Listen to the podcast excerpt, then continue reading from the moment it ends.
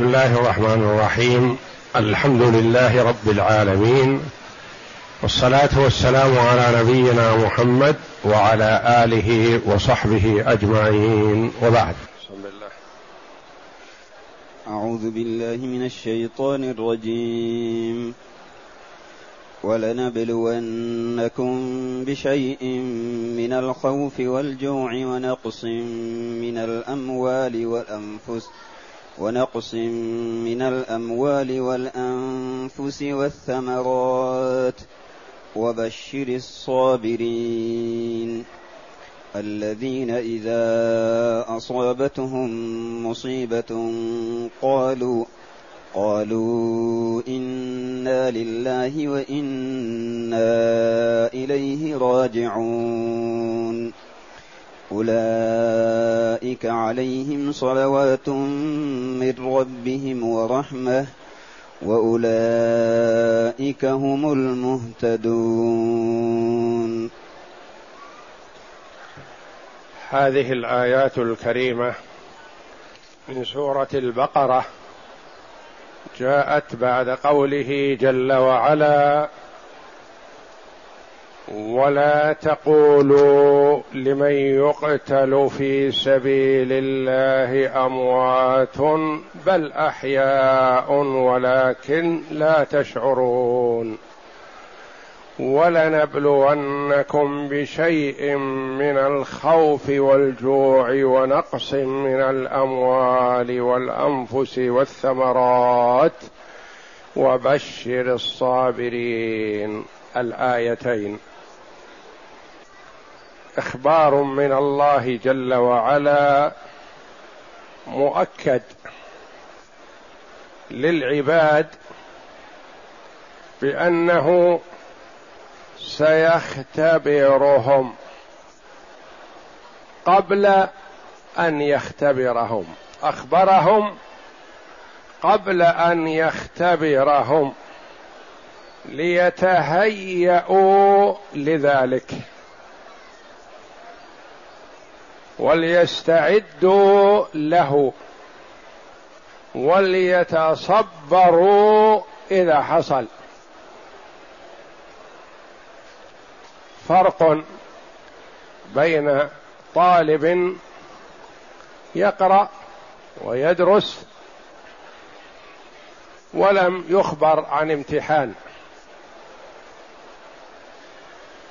وبين طالب يقال له اقرأ واعلم بأنك ستختبر عن هذا في كذا.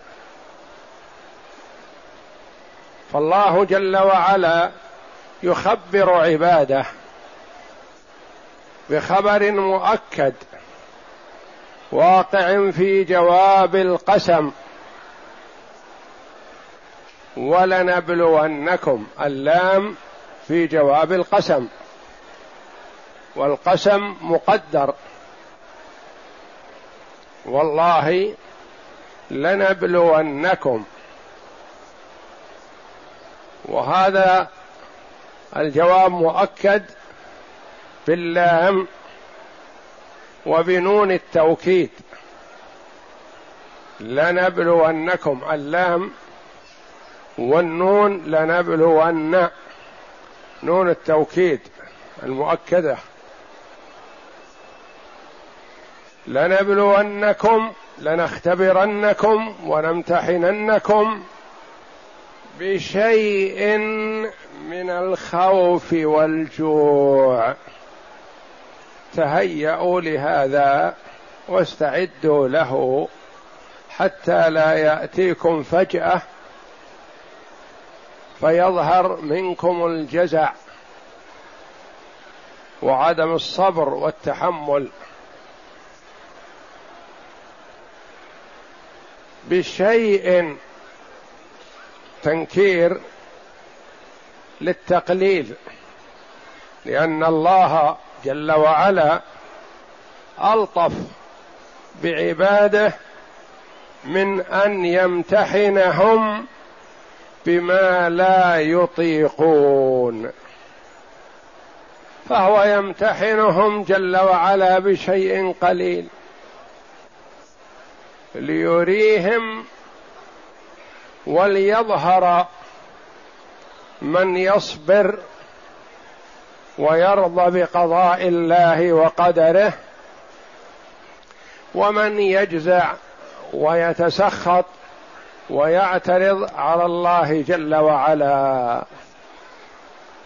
والله جل وعلا يعلم الشاكر من الساخط يعلم الصابر من الجزع من العباد قبل أن يخلقهم. يعلم جل وعلا أن هذا إذا امتحن فإنه سيصبر. ويعلم جل وعلا أن هذا إذا امتحن فإنه سيجزع. لأن الله جل وعلا يعلم ما العباد عاملون قبل أن يخلقهم. قدر مقادير الأشياء قبل أن يخلق السماوات والأرض بخمسين ألف سنة. وكان عرشه على الماء. ولكن هذا الامتحان والابتلاء يستحق عليه الثواب بالصبر والرضا ويستحق عليه العقاب بالجزع والتسخط والاعتراض. لأن الله جل وعلا لا يعاقب العباد بعلمه وإنما يعاقبهم بما يصدر منهم. لا يعاقب العبد لأنه يعلم أنه إذا امتحن جزع وتسخط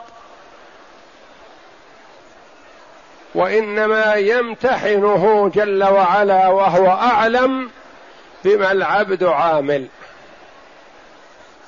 يمتحنه امتحانا يستحق عليه الثواب بالصبر والرضا أو يستحق عليه العقاب بالجزع والتسخط والاعتراض وعدم الصبر.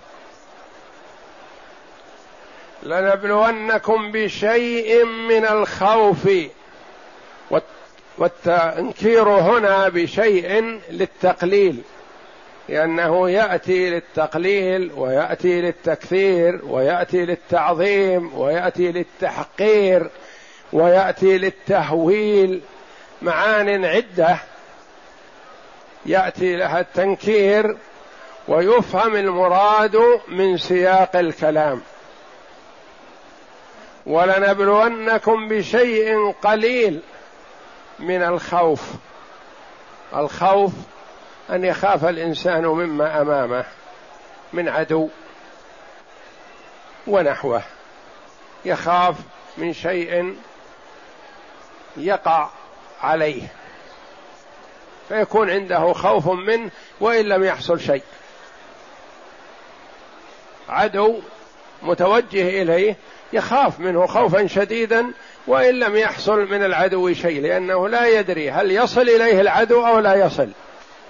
هل يتمكن من أذاء من إيذائه بشيء أو لا يتمكن؟ لكن يصيبه الخوف بشيء من الخوف والجوع. الجوع فقد الطعام.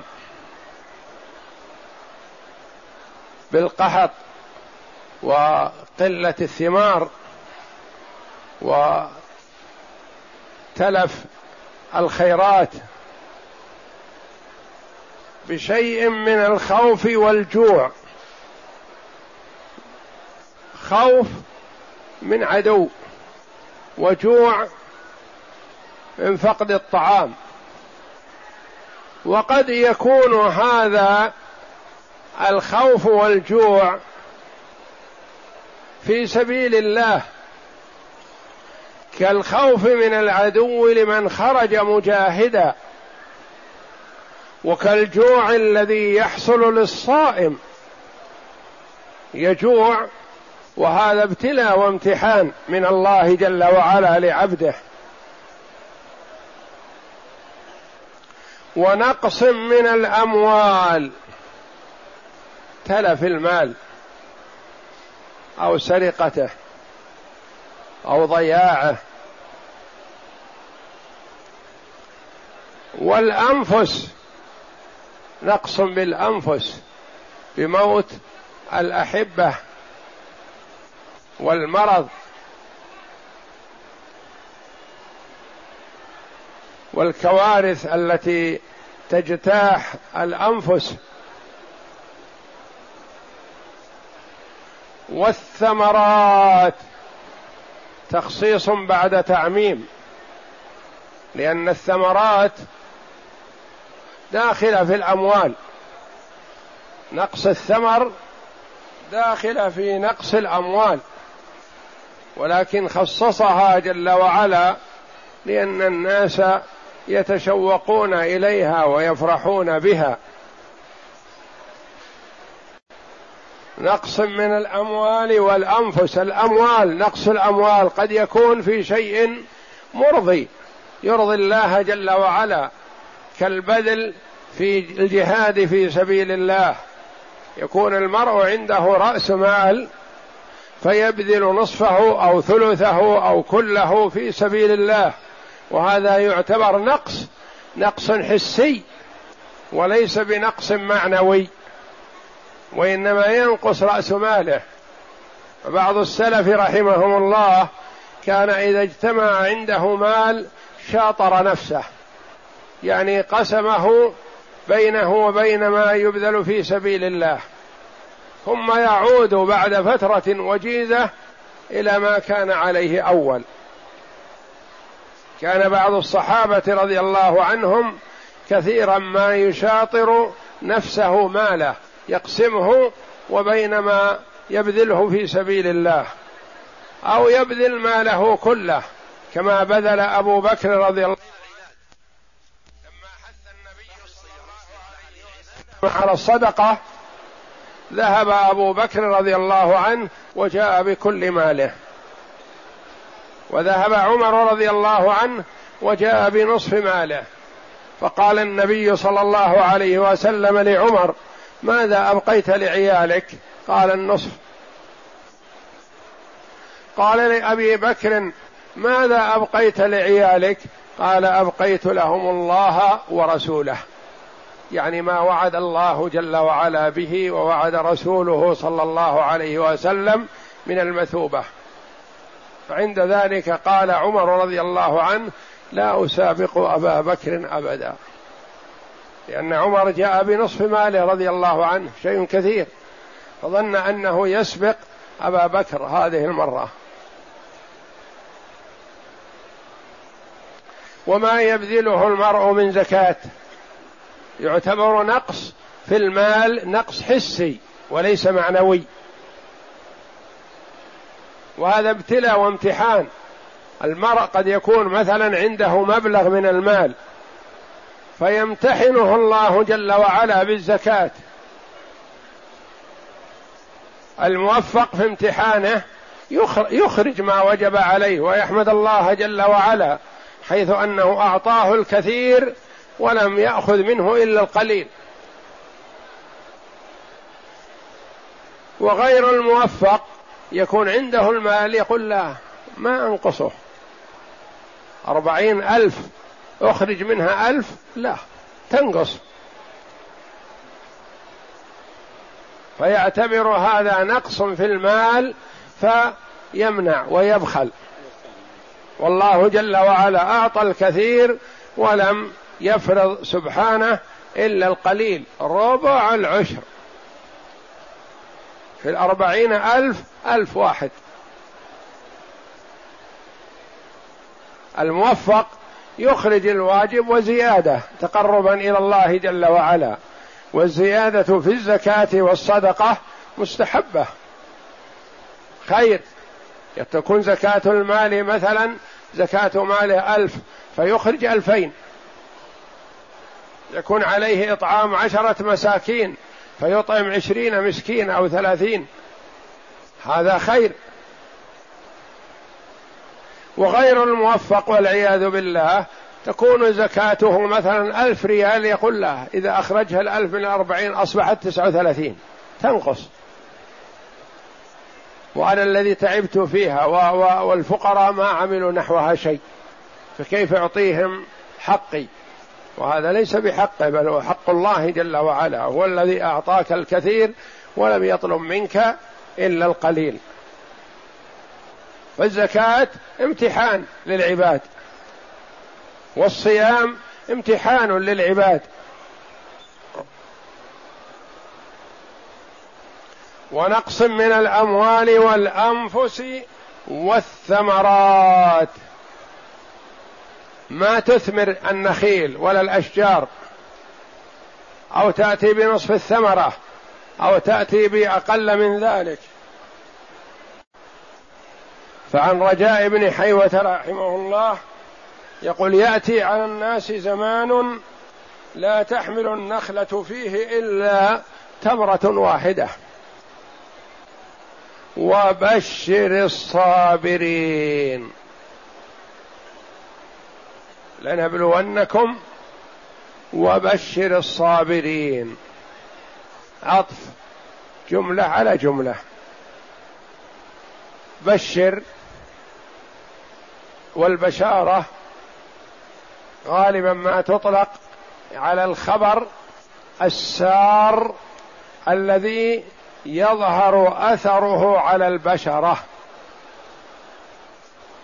وقد تطلق على الخبر السيء الذي يظهر أثره على البشرة سوءا كآبة وحزن. مثل قوله تعالى فبشرهم بعذاب أليم. فالبشارة في الأصل الإخبار بالخبر الذي يظهر أثره على البشرة. والغالب أنه يظهر أثره على البشرة سرورا وقد يظهر أثره على البشرة حزنا وكآبة. وبشر الصابرين. والصبر هو حبس النفس عن أن تأتي بما يسخط الله. النفس تميل إلى أن تظهر الجزع والتسخط والاعتراض على الله جل وعلا لكن إذا حبس نفسه ومنعها عن عما يسخط الله فذلك الصبر.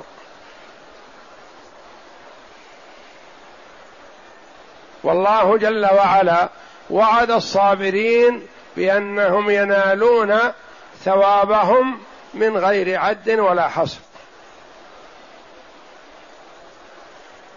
كما جاء في الحديث أن الله جل وعلا يقول للعبد له الحسنة بعشر أمثالها إلى سبعمائة ضعف إلى أضعاف كثيرة يقول الله جل وعلا في الحديث القدسي إلا الصيام فإنه لي وأنا أجزي به. ثواب الصيام لا يدخله عد ولا حصر. والله جل وعلا يقول في الآية الأخرى إنما يوفى الصابرون أجرهم بغير حساب. يعطون أجرهم من غير عد ولا حصر. عطاء جزيل من الله جل وعلا. وبشر الصابرين. من المأمور ببشارة الصابرين؟ قال بعض المفسرين الرسول صلى الله عليه وسلم أمره الله جل وعلا أن يبشر الصابرين. قال آخرون هذا خطاب لكل من يتأتى منه التبشير.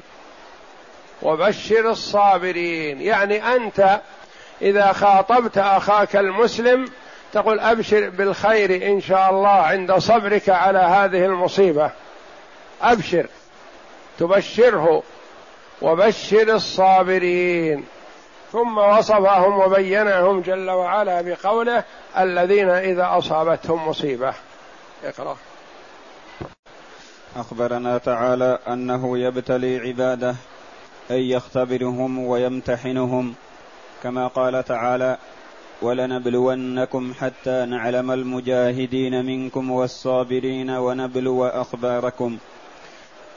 فتارة بالسراء وتارة بالضراء. أي أن البلاء هو الاختبار. نبلو أخباركم نختبركم. نعم. من خوف وجوع كما قال تعالى فأذاقها الله لباس الجوع والخوف. فإن الجائع والخائف كل منهما يظهر عليه يظهر على ذلك عليه. ولهذا قال لباس الجوع والخوف. وقالها هنا بشيء من والله جل وعلا يمتحن ويبتلي عباده بالسراء والضراء يمتحنهم بالمصائب ويمتحنهم بالنعم.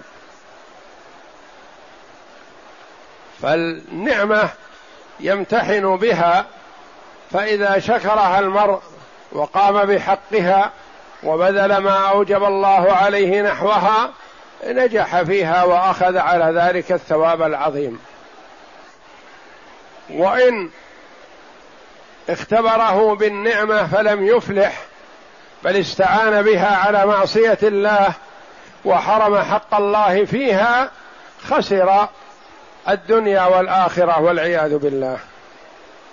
ويمتحن بالمصيبة فيصبر لها العبد ويرضى بقضاء الله وقدره ويحتسب الثواب ويعلم أن ما ساق الله جل وعلا له خير له في الدنيا وفي الآخرة.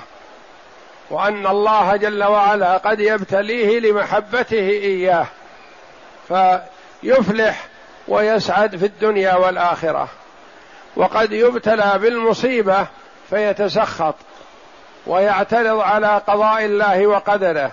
ويقول كيف ابتلى أنا بهذا وأنا أصلي وأنا قائم بالواجب وفلان فاسق وعاصي ولا يقوم بالواجب ويمرح بالنعم وما ابتلي بشيء وكذا وكذا يعترض على الله جل وعلا. فيخسر والعياذ بالله الدنيا والآخرة تحصل المصيبة ويحرم الأجر. والله جل وعلا أعلم بمصالح عباده ويبتلي عبده وهو يحبه. وقد ينعم على عبده وهو يبغضه. استدراج والعياذ بالله. فقد يعطى العبد من النعم المتوالية وهو فاسق عاص ظالم. معرض عن حق الله جل وعلا. يكون هذا والعياذ بالله هذه النعمة عقوبة عليه. استدراج. وسبب لغفلته. وإعراضه عن الله تبارك وتعالى. والله جل وعلا يعطي الدنيا من يحب ومن لا يحب. والله جل وعلا إذا أحب قوما ابتلاهم فمن رضي فله الرضا ومن سخط فله السخط. وقال ها هنا بشيء من الخوف والجوع أي بقليل من ذلك. ونقص من الأموال أي ذهاب بعضها والأنفس كموت الأصحاب والأقارب والأحباب. والثمرات أي لا تظل الحدائق والمزارع كعادتها. وقال بعض السلف فكانت بعض النخيل لا تثمر غير واحدة. وكل هذا وأمثاله مما يختبر الله به عباده فمن صبر أثابه ومن قنط أحل به عقابه. ولهذا قال تعالى وبشر الصابرين. وقد حكى بعض المفسرين أن المراد من الخوف ها هنا خوف الله وبالجوع صيام رمضان وبنقص الأموال الزكاة والأنفس الأمراض والثمرات الأولاد وفي هذا نظر والله أعلم.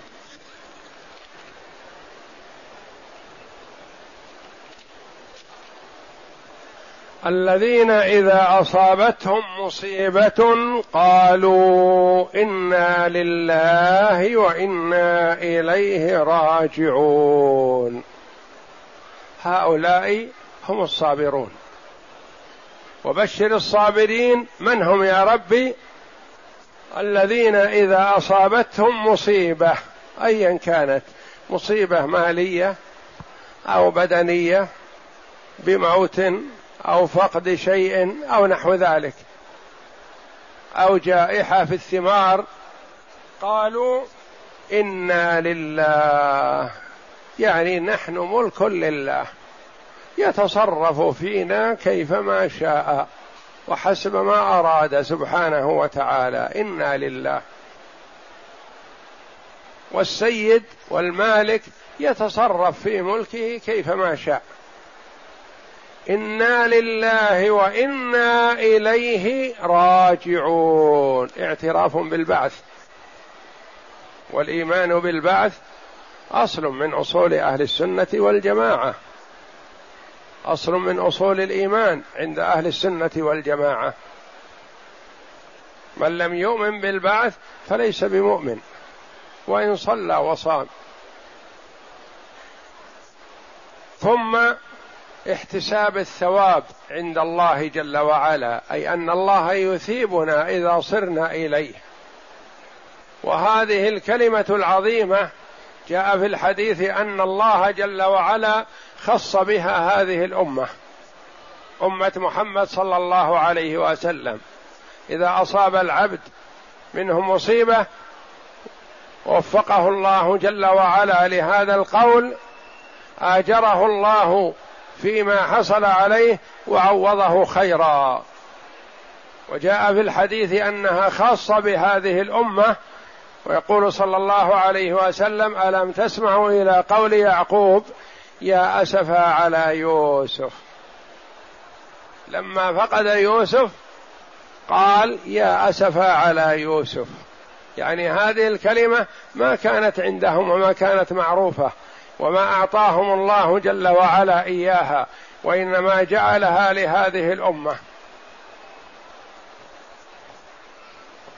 وجاء في الحديث أنه لما انطفأ سراج النبي صلى الله عليه وسلم قال إنا لله وإنا إليه راجعون فقالت عائشة رضي الله عنها إنها شمعة سراج ليست مصيبة قال كل شيء يحصل على المرء إذا قال إنا لله وإنا إليه راجعون أجره الله. إنا لله وإنا إليه راجعون. لو تلمس سواكه فلم يجده فقال إنا لله وإنا إليه راجعون أجره الله جل وعلا على ذلك. فقد شيئا يسيرا قال إنا لله وإنا إليه راجعون لأن هذه كلمة عظيمة.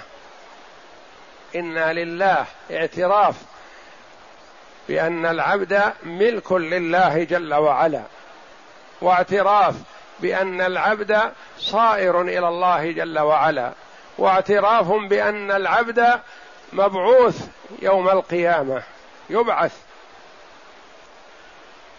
فهي كلمة عظيمة يحسن قولها في الصغير والكبير في كل شأن. قالوا إنا لله وإنا إليه راجعون صائرون إليه. ما هو ثوابهم هؤلاء؟ قال جل وعلا أولئك عليهم صلوات من ربهم ورحمة. أولئك. الإشارة للبعد مع أنه قرب ذكرهم وإنما لعلو منزلتهم. أولئك عليهم صلوات من ربهم وجمعها تكثيرا. صلوات. ما قال أولئك عليهم صلاة من ربهم؟ صلوات من ربهم يعني مغفرة لذنوبهم. يغفر الله جل وعلا ذنوبهم. وجاء أن من مكفرات الخطايا المصائب التي تحصل على العبد. قد يرتكب العبد خطيئة ما يأتي بمكفر لها يصب الله جل وعلا عليه البلاء فيكون تكفير لما مضى من سيئاته. من أسباب المغفرة المصائب التي تحصل على العبد حتى الشوكة يشاكها. إذا أصابته الشوكة في قدمه فأدمته أو لم تدمه هذه يكفر الله جل وعلا بها عنه من خطاياه. فما فوق ذلك؟ أولئك عليهم صلوات مغفرة لذنوبهم. ورحمة. عطاء جزيل يرحمهم الله جل وعلا. ويعطي العطاء الجزيل الذي لا يتصوره العبد. وأولئك هم المهتدون هم الموفقون للصواب السائرون على الحق هم الناجون عن طرق الضلالة. يقال مهتدي مهتدي يعني ماسك الطريق السليم. ضال ضاع عن الطريق. وأولئك هم المهتدون الموفقون للصواب السائرون على الحق السائرون في طريق يوصلهم إلى الله جل وعلا ورضوانه. وعن أم سلمة رضي الله عنها قالت دخل علي أبو سلمة مسرورا فقال سمعت رسول الله صلى الله عليه وسلم يقول ما من عبد تصيبه مصيبة فيقول إنا لله وإنا إليه راجعون إلا أجره الله في مصيبته وخلف له خيرا منها. فحفظتها رضي الله عنها وهكذا. النساء تفرح بما تسمع من الرجال لتطبقه على نفسها وعلى من حولها. وجاء في حديث آخر أنها سمعت من النبي صلى الله عليه وسلم وهي أم سلمة قبل أن تكون أم المؤمنين مع أبي سلمة أن النبي صلى الله عليه وسلم قال ما من عبد تصيبه مصيبة إلا قال إنا لله إلا إنا لله وإنا إليه راجعون إلا أخلف الله عليه واجره خيرا أو كما قال صلى الله عليه وسلم. تقول فلما مات أبو سلمة الذي هو زوجها رضي الله عنه وعنه مات وهو الولي لها الوحيد في المدينة هي غريبة في المدينة ليس لها أحد. وأهلها ألد أعدائها في مكة لأنها هاجرت على كراهية منهم. وهم لو ظفروا بها قتلوها. هاجرت مع زوجها مسلمة مؤمنة بالله وبرسوله. فلما مات أبو سلمة رضي الله عنها عنه عنها قالت تذكرت ما سمعته من النبي صلى الله عليه وسلم أو ما سمعته من أبي سلمة فقالت إنا لله وإنا إليه راجعون. اللهم أجرني في مصيبتي واخلف لي خيرا منها. تقول فقلت في نفسي من خير من أبي سلمة؟ ما لن يأتيها خير من أبي سلمة لكنها امتثلت سنة رسول الله صلى الله عليه وسلم. تقول فلما تمت عدتي استأذن علي النبي صلى الله عليه وسلم وأنا أدبغ إهاب لي جلد تدبغه بالقرض. فغسلت يدي وأذنت لرسول الله صلى الله عليه وسلم. فإذا هو جاء يخطبني لنفسه عليه الصلاة والسلام. ما أرسل لها رسول. فقالت ما مثلك يرغب عنه يا رسول الله. لكن يمنعني أمور. في غيره وأخشى أن ترى مني ما تكره فيغضب الله علي. وعندي صبية وأنا قد بلغت من السن ما بلغت. أنا بشابة.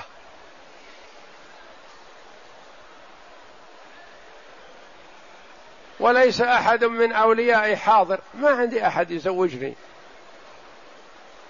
فقال لها النبي صلى الله عليه وسلم أما ما ذكرت من الغيرة فيذهبها الله.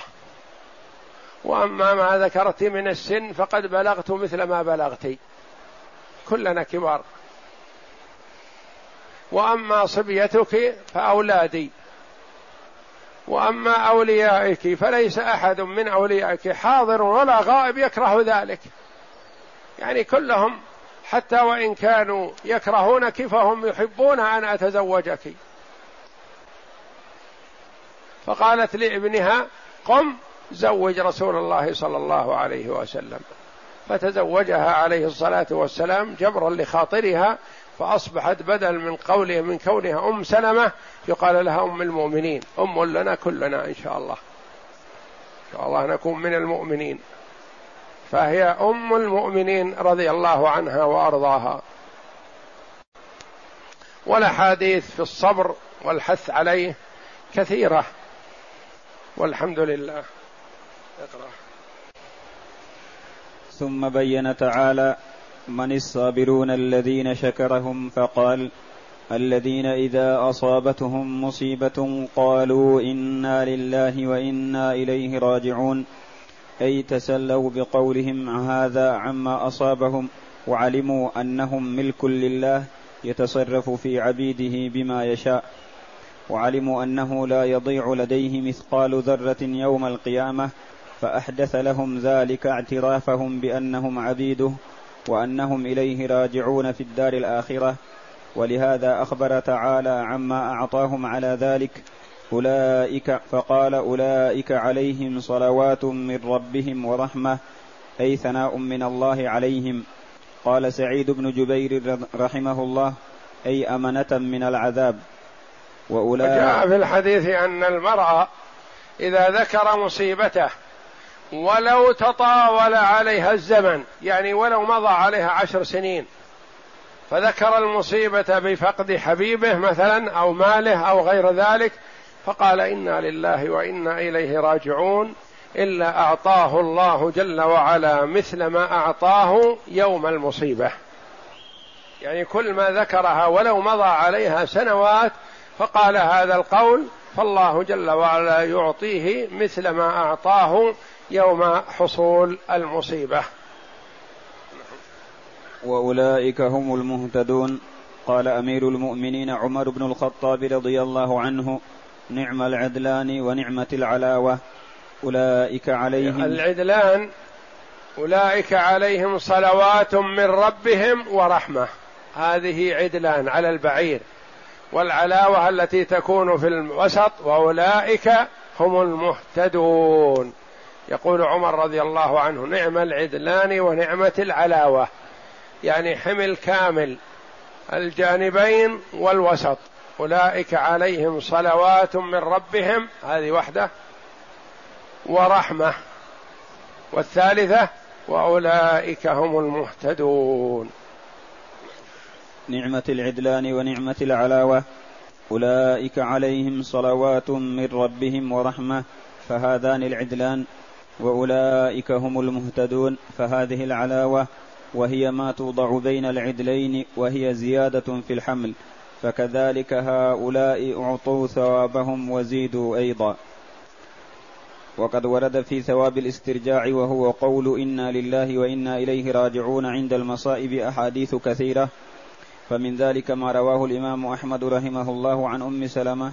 قالت أتاني أبو سلمة رضي الله عنه يوما من عند رسول الله صلى الله عليه وسلم فقال لقد سمعت من رسول الله صلى الله عليه وسلم قولا سرر سررت به قال لا يصيب احدا من المسلمين مصيبة فيسترجع عند مصيبة. ثم يقول اللهم أجرني في مصيبتي وأخلف لي خيرا منها إلا فعل ذلك به. قالت أم سلمة رضي الله عنها فحفظت ذلك منه. فلما توفي أبو سلمة رضي الله عنه استرجعت. وقلت اللهم أجرني في مصيبتي وأخلف لي خيرا منها. ثم رجعت إلى نفسي فقلت من أين لي خير من أبي سلمة؟ يعني ترى كأنها قالت هذا القول إيمانا بما قاله رسول الله صلى الله عليه وسلم. ثم فكرت قالت من سيأتيني خير من أبي سلمة؟ فتظن أنه لن يأتيها أحد أفضل من أبي سلمة رضي الله عنه. فإذا بها يتوفق ويأتيها أفضل الخلق على الإطلاق صلوات الله وسلامه عليه. من خير من أبي سلمة. ويستحب للمرء أن يتحلى بالصبر عند الصدمة الأولى وإلا يحرم الأجر والعياذ بالله. النبي صلى الله عليه وسلم مر بامرأة تبكي عند قبر فقال لها يا أمة الله اتق الله واصبري تصبري. فقالت إليك عني فإنك لم تصب بمصيبتي. أبعد ما عرفته. فجاءها شخص فقال من الرجل الذي مر عليك? قالت لا أدري. قال ذاك رسول الله صلى الله عليه وسلم. فتأثرت من هذا وحزنت وذهبت مسرعة إلى النبي صلى الله عليه وسلم في داره فلم تجد عند بيته بوابين. وقالت يا رسول الله لم أعرفك. يعني حينما قلت لي ما قلت ما عرفت أنك رسول الله. قال عليه الصلاة والسلام إنما الصبر عند الصدمة الأولى.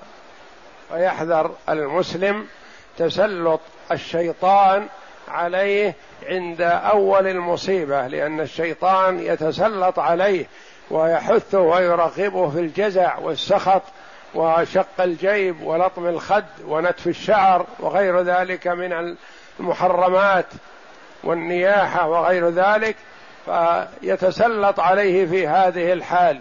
فالشيطان اللعين يتسلط على العبد دائما وأبدا وخاصة عند المصائب وعند النعم. يتسلط عليه عند المصائب لعله يظهر الجزع ويتسلط عليه عند النعم لعله يظهر الكفر كفر النعمة وعدم شكرها فينال منه في هاتين الحالتين فحري بالمسلم أن يجاهد نفسه ويجاهد الشيطان في جميع أحواله وخاصة عند تغير الأحوال من مرض أو صحة أو غنى أو فقر أو مصيبة عندما تتغير حاله يجاهد نفسه ويلتزم الصبر والشكر لله جل وعلا. نعم. عن أبي موسى رضي الله عنه قال قال رسول الله صلى الله عليه وسلم قال الله يا ملك الموت كبت ولد عبدي كبت كرة عينه وثمر فؤاده. قال نعم. قال فما قال؟ قال حمدك واسترجع. قال ابنوا له بيتا في الجنة وسموه بيت الحمد. يعني هذا ثواب حمدك لربك عند المصيبة. والله أعلم. وصلى الله وسلم وبارك على عبده ورسول نبينا محمد وعلى آله وصحبه أجمعين.